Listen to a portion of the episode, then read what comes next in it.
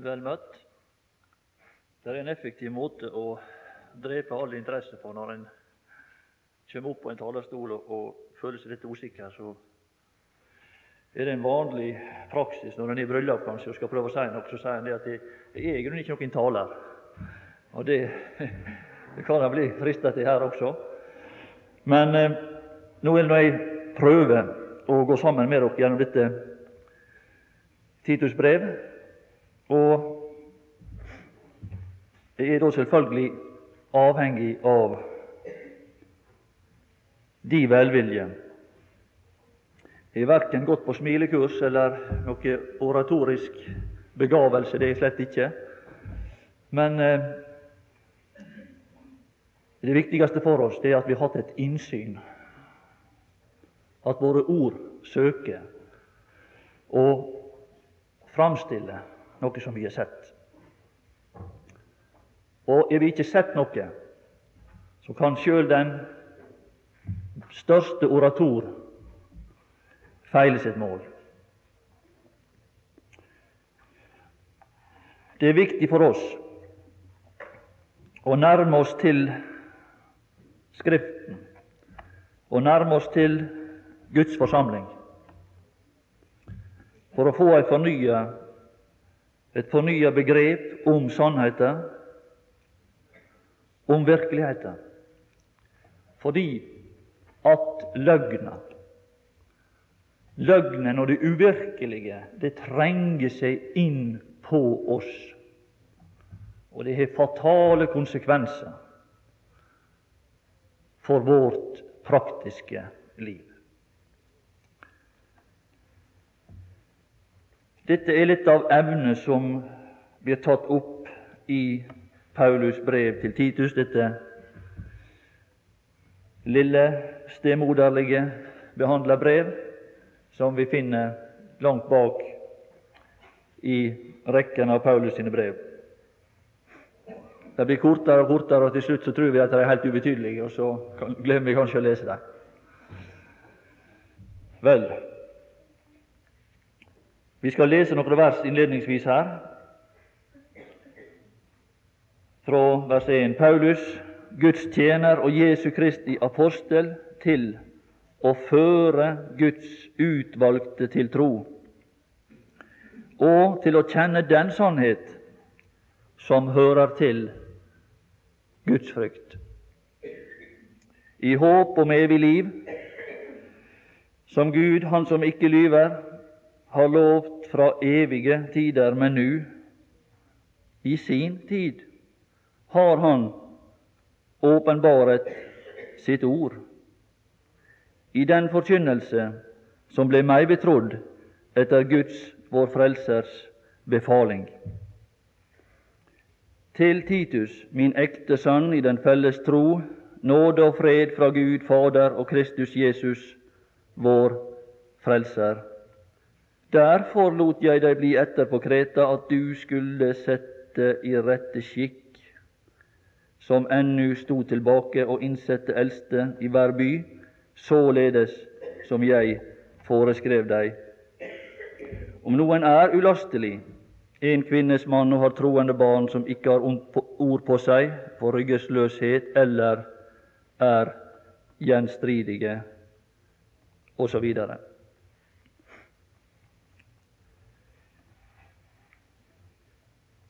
Vi kan med en gang legge merke til ei dobbel hensikt her i det første vers. For å føre Guds utvalgte til tro og til å kjenne, altså òg til å kjenne den sannhet som hører til Guds frykt. Vi veit alle, og vi erkjenner sikkert den sannhet, at det er et stort og avgjørende øyeblikk når et menneske blir ført til frelsende tro på Kristus. Og Dette er, et, dette er starten, dette er begynnelsen. Dette er å bli ført fra døden til livet. Du blir redda fra undergang og evig fortapelse. Men dette er en del kun av evangeliets sannhet, den sannhet og den hensikt som vi finner i dette brevet. Fra det naturlige liv, om vi går til det, så vil vi finne at fødselen er start. Der er porten inn til et liv fullt av opplevelse. Og vi må ikke slik som vi, vi, vi gjør det ikke i naturlige liv. Vi vet det at, der, vi vet det, at det er avgjørende nå hva slags utvikling dette liv kommer inn i. Hva slags omgivelser dette barn befinner seg i.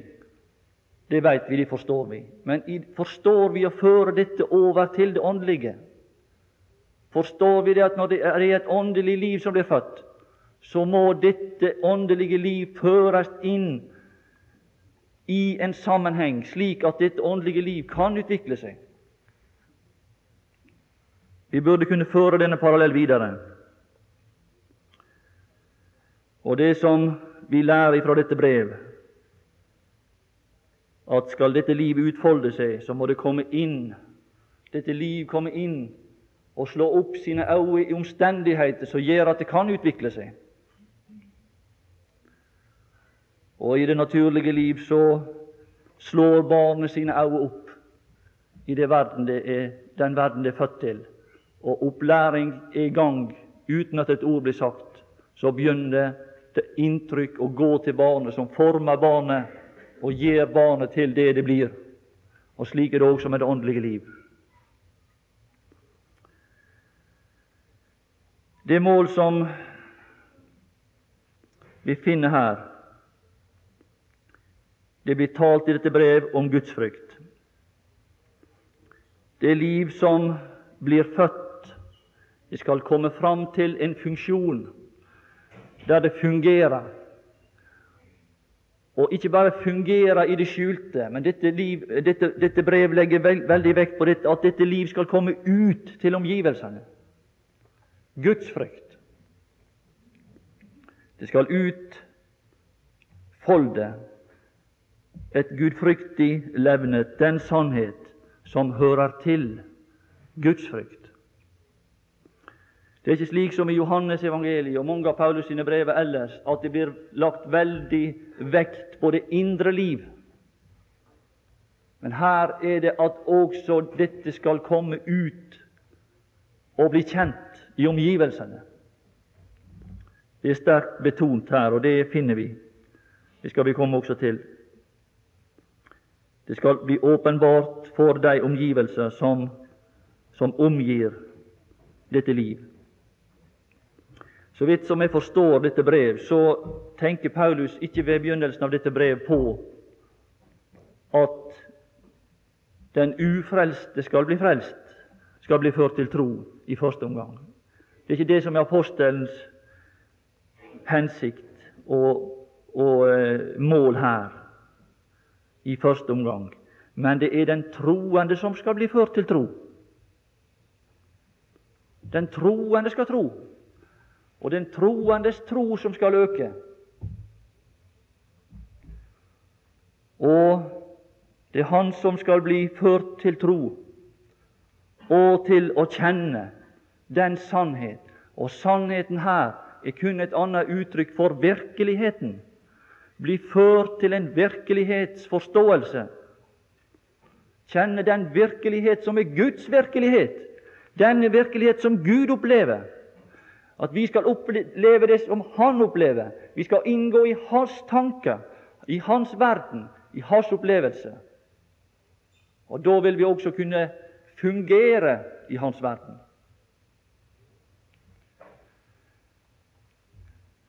Guds frykt kan aldri stå alene. Du kan aldri skape Guds frykt alene. Det er noe som det står om, som hører til Guds frykt. Det er noe som hører til Guds frykt. Du kan aldri skape det med regelverk. Du kan aldri skape det med at du må, du skal, du bør. Den sanne Guds frykt den skapes ved at du kommer inn i en opplevelse. Du blir ført til en verden, en ny verden. At det barn som blir født, begynner å oppleve en ny situasjon, en ny tilværelse. Og så vil Guds frykt kunne stå fram. Og Dette er det vesentlige, og dette er viktig å få fram. Den troende må bli brakt i kontakt med Guds verden. Og dette er den sannhet, den virkelighet, som vi søker å her og holde fram på hverandre. Vi lukker på en måte når vi kommer inn i Guds forsamling. Så lukker vi på en måte våre øyne for alt disse ting som vil trenge seg inn på oss når vi er utenfor. Og så åpner vi våre sanser for Guds verden og søker å ta inn det som er Guds virkelighet. Så lar vi oss forme av det. Og denne virkelighet som vi her kommer til, det er den virkelighet der Gud er det store midtpunkt.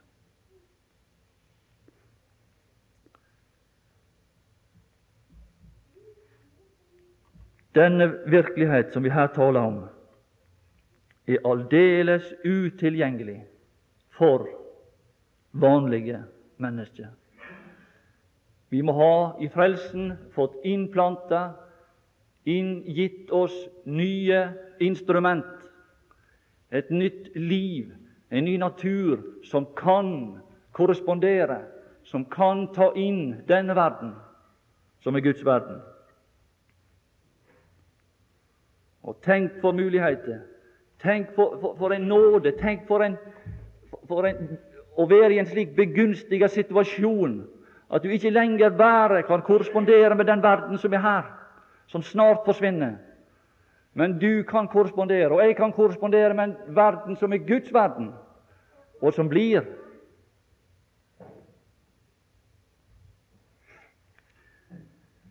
Men det er en stor og alvorlig fare for at den som kommer nettopp til frelsende tru, aldri kommer til å kjenne denne sannhet som hører til Guds frykt.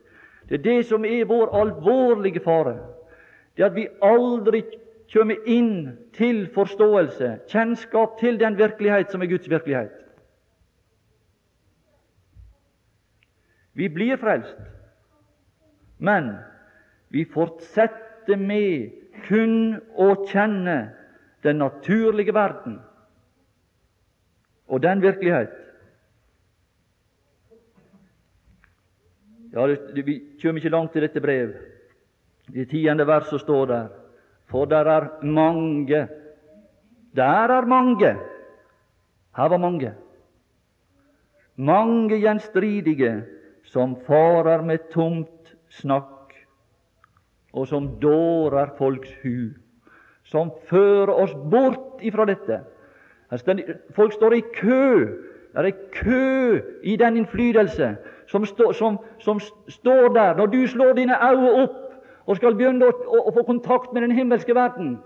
Så står der folk i kø for å føre deg på avveie. For der er mange og Derfor er det så få av oss som kommer kom til et forhold at vi begynner å oppleve den Far som fødte oss. For de vil bli ført på avveie med en gang, for der er mange som farer med tomt snakk. Det er et snakk som ikke bærer realitetene med seg, som ikke bærer den virkelige verden i sin tale, som ikke kan framstille oss Guds verden, og som derfor fører oss til et, til, på avveie der det uvirkelige trenger seg inn på oss. Og vi kommer ut av funksjon, ut av ut av en Altså, vi slutter å fungere. Vi er ikke brukbare fordi vi ikke fungerer i forhold til det virkelige.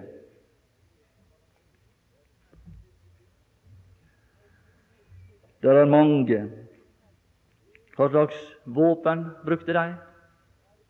Det er mange gjenstridige som, som farer med tomt snakk. Det er læren.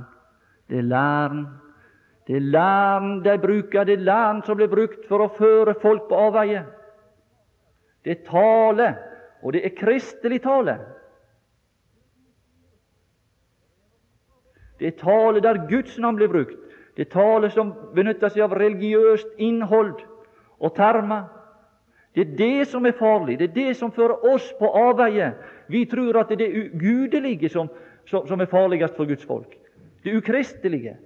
Det som, det som liksom har litt preg av rennestein. Det er ikke det som er det farligste for oss, men det er det som kler seg i religiøst ytre, religiøst autoritet, men som likevel har dette i seg at det, bærer ikke med seg virkelighetens verden inn til oss. Det er tomt, det er innholdsløst, og det fører oss bort.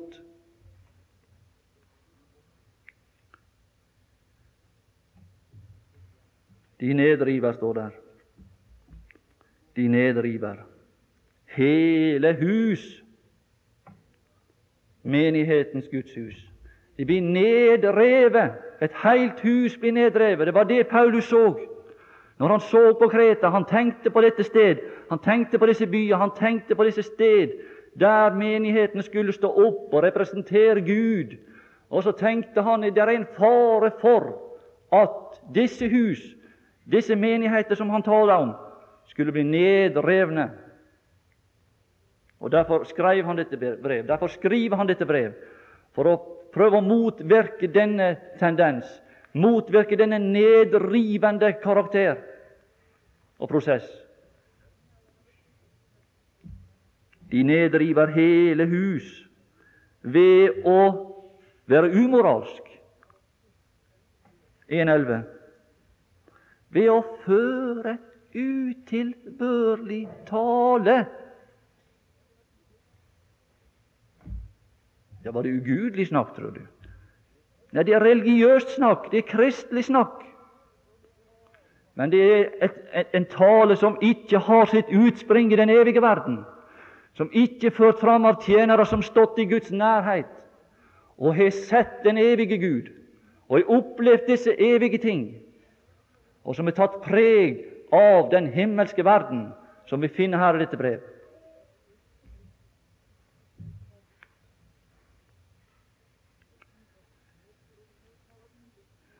Der må Hva er det da som er, som er, som er middelet? Hva som er, hva som er medisin? Ja, medisin, den finner vi her. Paulus, Guds tjener. Der må en Guds tjener til for å motvirke denne nedbrytende, nedrivende karakter. Der er en som kommer ut ifra Gud, som er Guds tjener. Og Paulus han er nødt til å påvise dette. Han er nødt til å framholde seg sjøl som den som er Guds tjener, for at de ikke skal ta feil. For Han må liksom heve sin autoritet for at dette brev skal bli mottatt. Han er en Guds tjener. Det er den eneste brev som har en slik innledning. Til å føre Der må en Guds tjener til i denne sammenheng for å føre oss. Først må det en Guds tjener til for å føre oss til ei frelsende tru. Men, venner, der må en mer, en mer enn Guds tjener til for å føre oss til den guddommelige virkelighet og den guddommelige verden. I den gamle pakt, vet du. Der var det en tjener som kom inn, inn i Egypten, som var Guds tjener. Det var Moses. Han kom inn i Egypten, og så sa han, 'Jeg skal føre dere ut ifra denne verden og virkelighet her.' Og så skal jeg føre dere til et land som er Guds land, som flyter av melk og honning. Og så begynte han på denne oppgaven, og han møtte store vanskeligheter. Ingen av de som, som gikk ut, kom inn. Og Vi skal møte lignende vanskeligheter her. Vi vil oppleve det at det er store vanskeligheter. Det er djupt sittende, en djupt sittende skepsis i min og din karakter fra, for, til å gå dit Gud vil. Den Gud som er god, og som har noe å gi, og som har sagt mitt land flyter av melk og honning. Og vi vender ryddig mot dette land, og vi snakker stadig om purren og, rødløken og alt dette her. Og så glemmer vi slaget, og så glemmer vi det vonde, og så glemmer vi trellarbeidet, og så glemmer vi denne despot av en hersker som vi hadde over oss. Slik er vi. Slik er vi. Slik var disse folk som Paulus skrev til. Jeg, jeg, jeg, utsett. Gud har sendt meg til å være en tjener for å føre dere fra den verden og virkelighet som dere så altfor godt kjenner. Der slaget er, der slavearbeid er, der synd, den som gjør synd, er syndens trell. Det er dere nærværende virkelighet, men jeg er Guds tjener fra, til å føre dere fra denne virkelighet til den verden som er Guds virkelighet, til å kjenne den sannhet, til å kjenne Guds verden, til å kjenne den godhet, til å kjenne det land som er Guds land.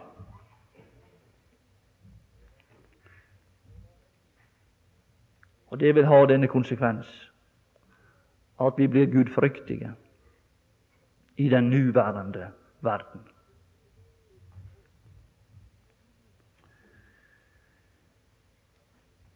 Slike tjenere, venner Jeg tror jeg vil bare framsette den påstanden at slike tjenere er det ganske, ganske få av iblant de troende. Og resultatet, det er bedrøvelig. Gudsfrykten iblant oss som troende, er, den er på et lavmål. Hva er grunnen? Hva er det grunn? Er ikke det vært sagt mange nok ganger fra en talerstol at vi skal ikke det, og vi skal ikke det, og vi skal smile, vi skal være glad? Ja, ja da, så bestemmer vi oss for at ja, da. ja det skal vi sant gjøre. Ja, det skal jeg gjøre. Men om morgen, mandagsmorgen så er det like mye blå mandag hver eh, morgen. Så er akkurat like sure som før. Ja, hvorfor? Å, vi er ikke i stand til å bære med oss den himmelske verden i vårt sinn, fordi det har aldri vært en gudstjener som har ført oss dit inn og satt oss ned i Guds verden, satt oss ned på fanget og gjort oss uavhengige av smilet fra denne verden. Det er saken. Det er en Guds tjener her. Skal vi la oss betjene i dette lille korte brev? Skal Han få føre oss fra denne verden og virkelighet som trenger seg inn på oss, der løgnen vil forringe vårt liv og hele kvaliteten av vår tilværelse skal vi bli ført til Guds verden, der smilet, der leker munnen til enhver tid, der du alltid sier det rette ord, der du alltid er i stand til å møte de omstendigheter som ellers kveler deg. Vi burde være livskunstnere, min venn. Vi burde være livskunstnere, vi.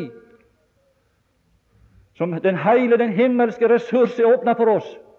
Den evige verden smiler til oss. Den er tilgjengelig for oss. Han har nu åpenbaret, står der. Han hadde lovt fra evige tider, men nu Vi lever i ei tid da Han har åpenbaret, Han har avdekket disse ting, som har gjort oss til livskunstnere, om vi vil la oss betjene av denne mann. Men lar vi oss betjene av disse som fører oss på avveie, så blir vi på avveie. Og vi kommer til en realitet som ikke fungerer. Vi blir ført ut, og vi skal begynne å orientere oss. Og vi skal begynne å fungere, så finner vi ut at de ting som var sagt til oss, de fungerer rett og slett ikke. Og vi er ført på avveie. Ting fungerer ikke. Menigheter fungerer ikke. Vårt private liv fungerer ikke. Fordi vi er ført på avveie. La eder ikke føre på avveie ved mange forskjellige og fremmede lærdommer. Det er lærdommer, lærdommer, ord, ord. Det er det som er farlig for oss. Ord som bærer med seg en virkelighet som ikke eksisterer. Den eksisterer ikke. Og Derfor, om vi søker å lene oss mot den og forholde oss til den, og, og, og trøste oss til den, så vil vi finne ut det at når vi skal ta på det, så er det borte. Og det er borte i vårt liv, den trøst som disse ting gir. Og Derfor så blir vi også skuffa, som det står i salmen. De kom dit, og de ble skuffet, står der. Ja, ja.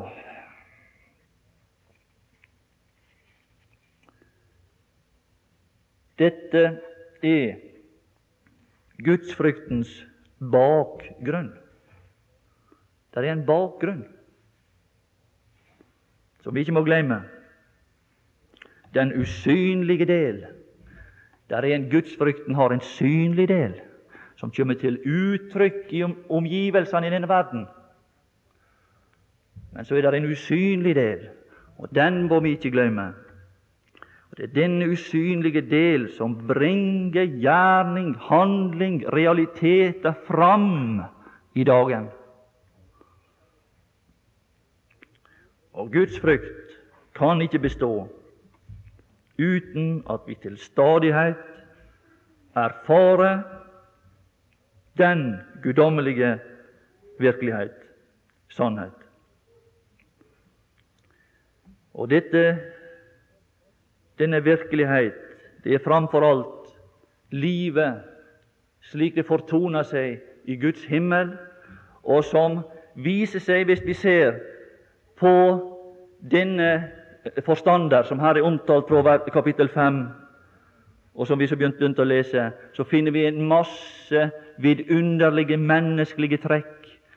Da er det det at det der er en forstander som har vært inn i Guds nærhet, og så kommer han tilbake til denne verden, og så ånder det av ro, fred og harmoni. Så kler denne mann eh, eh, eh seg i disse karaktertrekk som han har sett i den evige verden, og så blir han et et, et ytre bevis, et bilde som framstiller Gud synlig for sine omgivelser. Og det er det vi er kalt til.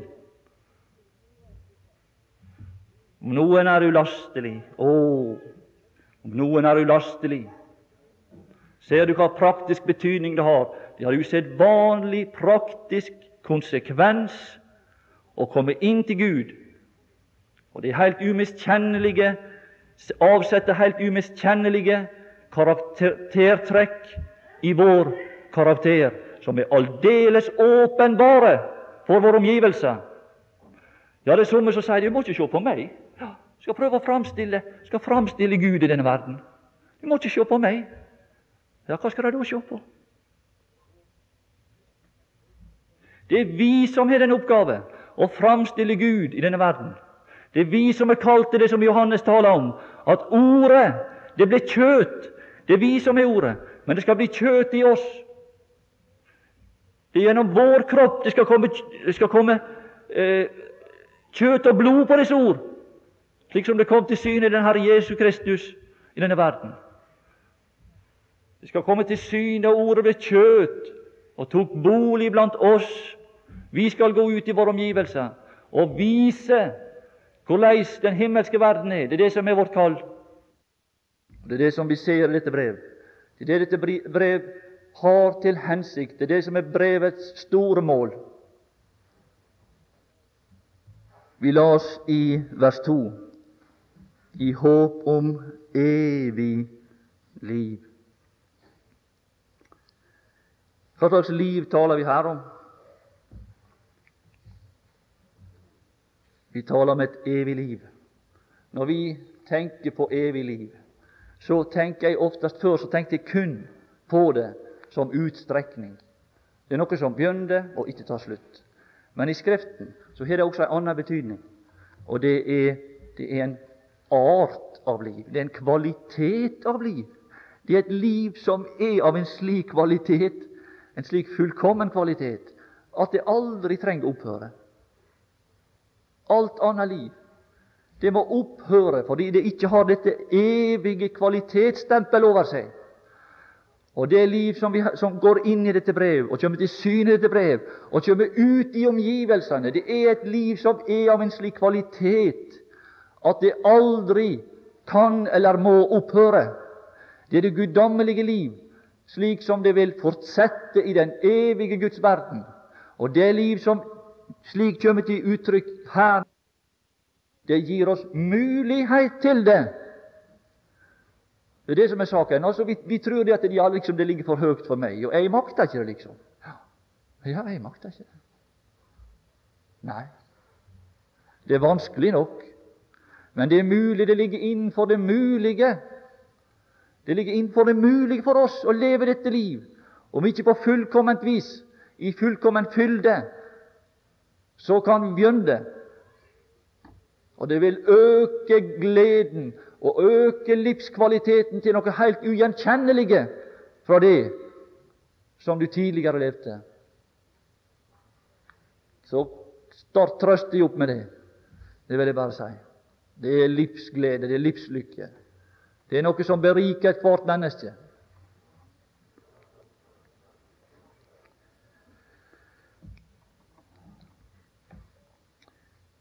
Ja, vi vil prøve å se litt på hvordan den sannhet som hører til Guds frykt, Korleis dette er tilgjengelig for oss.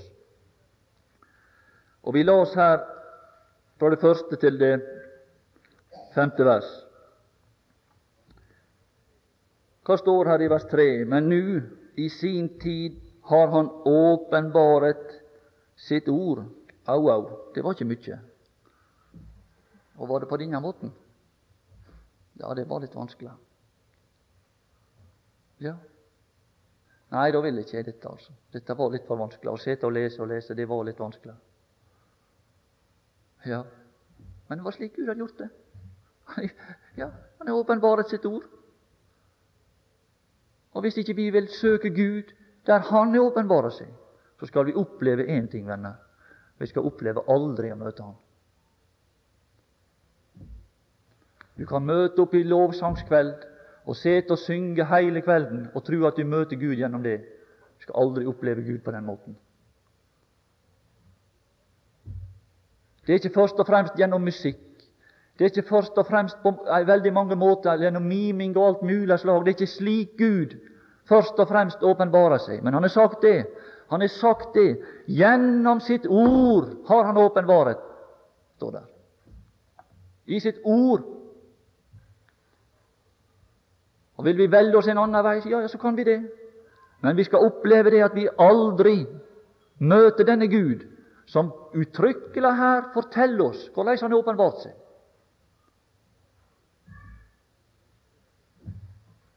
Og de, står der, som vi hørte om i forrige time, de fant boken.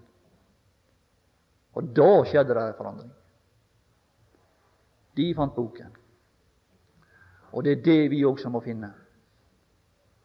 Vi må finne ut at det var i Guds ord. Han har åpenbaret sitt ord. Nå, i sin tid, har Han åpenbaret sitt ord.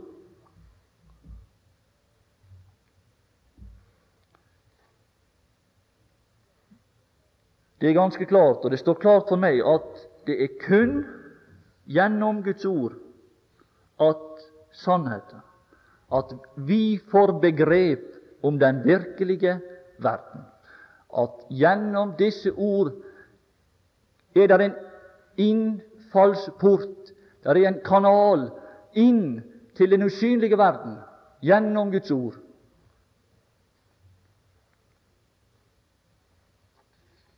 Og gjennom dette ord åpner denne verden seg for oss. Og Paulus han legger spesiell vekt på en del av Guds ord. Alt Guds ord er selvfølgelig nyttig til, til lærdom, men det er en spesiell del. Han vektlegger en spesiell del i dette vers.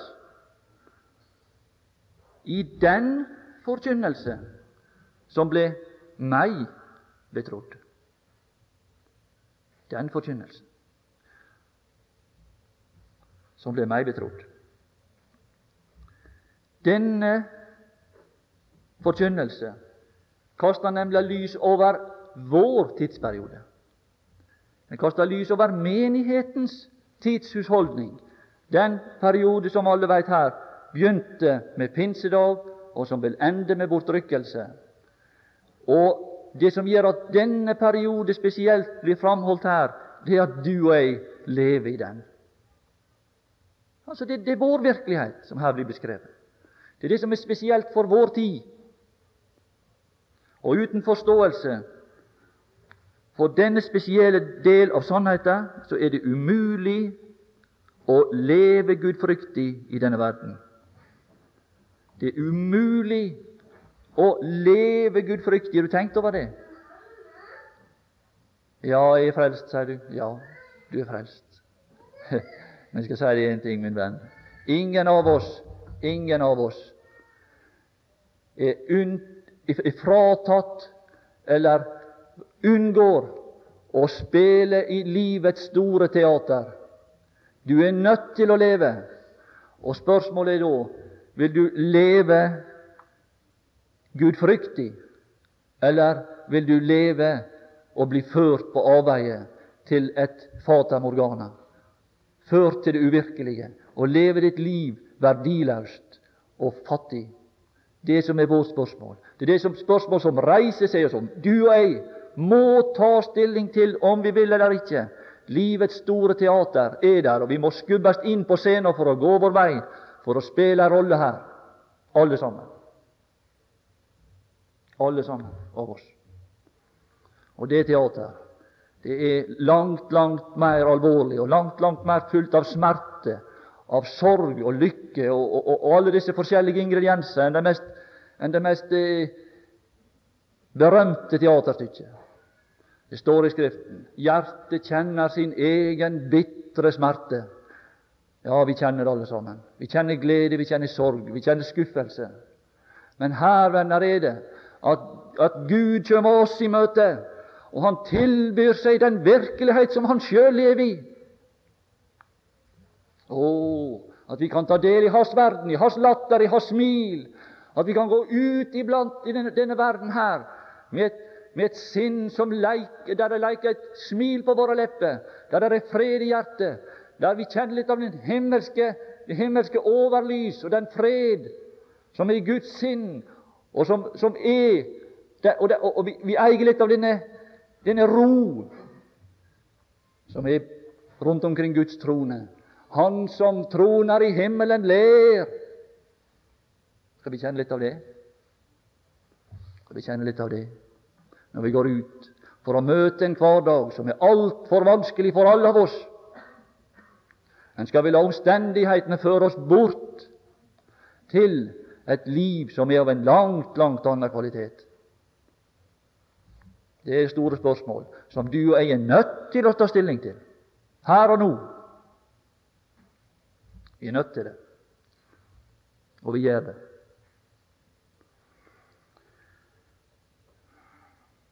Vi er nødt til å kjenne Paulus og kjenne oss brevet. Og kjenne den sannhet som disse brev framstiller, den virkelighet som Paulus levde i, og som gjorde Paulus til Paulus som gjorde han til det himmelske mennesket. Og vi vil også komme til å oppleve dette, venner, at vi, der blir en, en liten, en, et lite himmelsk anstrøk over oss. Og De sier det hjemme at inkje er bedre enn slett inkje. Ja, det vil jeg også si. Det vil jeg også si. Men det er somme som aldri vil begynne uten at de får gjøre alt. Og Hvis ikke de får frelse verden, så vil de iallfall ikke frelse naboen. Og slik er det med oss. Slik var det med Peter. Slik er vi alle av oss. Vi er ubalansert i vår opptreden, i vår innstilling. Hvis ikke han fikk vaske Hvis ikke Jesus fikk, eh, skulle ikke få vaske noe av ham Når Jesus ville vaske føttene så sa han at du må vaske hele mannen. Slik er vi. Slik er vår karakter. Slik er vi. Ubalansert. Uten forståelse for virkeligheten. Å, men vi må komme inn i virkeligheten, i hans selskap må han tale til oss. Så blir det en korrigering av Peter. Den som er badet, Peter. Du er ren. Du er. Må ikke gå til ytterlighetene.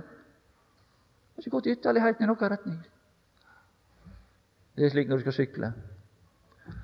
Så må du sykle midt på veien, skal du komme fram.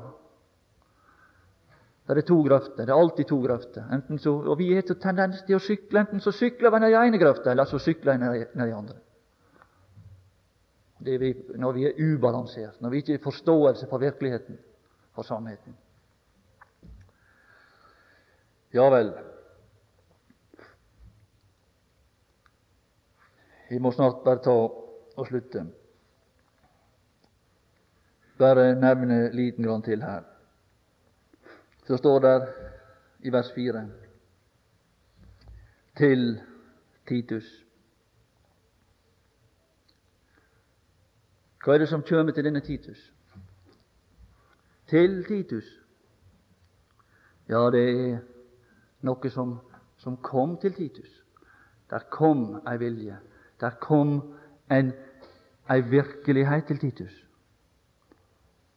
Der, kom en, e, e, der, var en, en, tjener som nærma seg til Titus, som, som, som kom ifra den evige verden, og som nærma seg til Titus, og som hadde noe med til Titus, som var nyttig for Titus.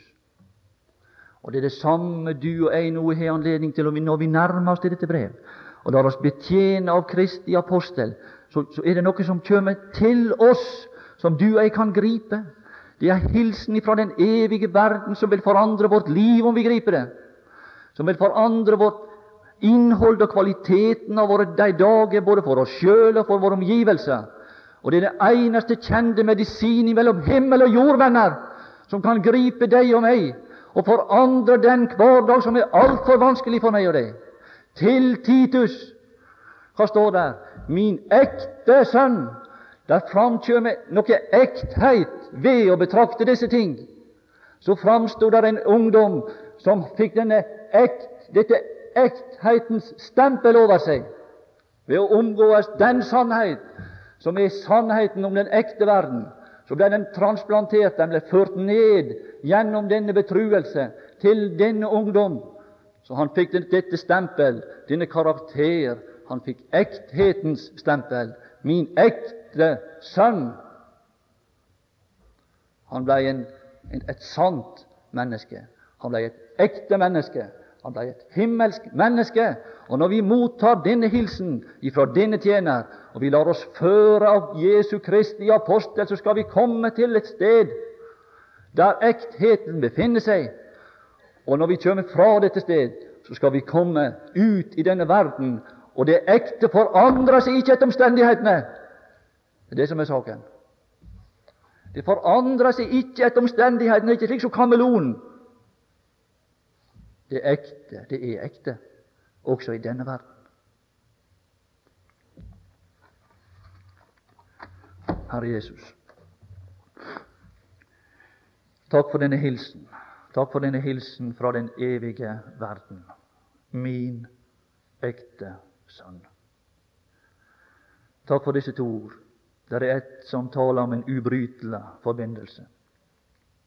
Det er ordet min. Men så er det et annet ord, Herre Jesus, og det er dette ordet ekte. Og Måtte også det kunne sies over oss, og måtte du også hilse oss med dette ord, noe som taler om, om våre kvaliteter. Så ber vi for hverandre at det må bli litt av denne opplevelsen, at vi får se inn i den ekte verden. Og så når vi reiser fra hverandre, at det var noe ekte med oss som fulgte oss. Det ber vi om i den Herre Jesu Kristi navn. Amen.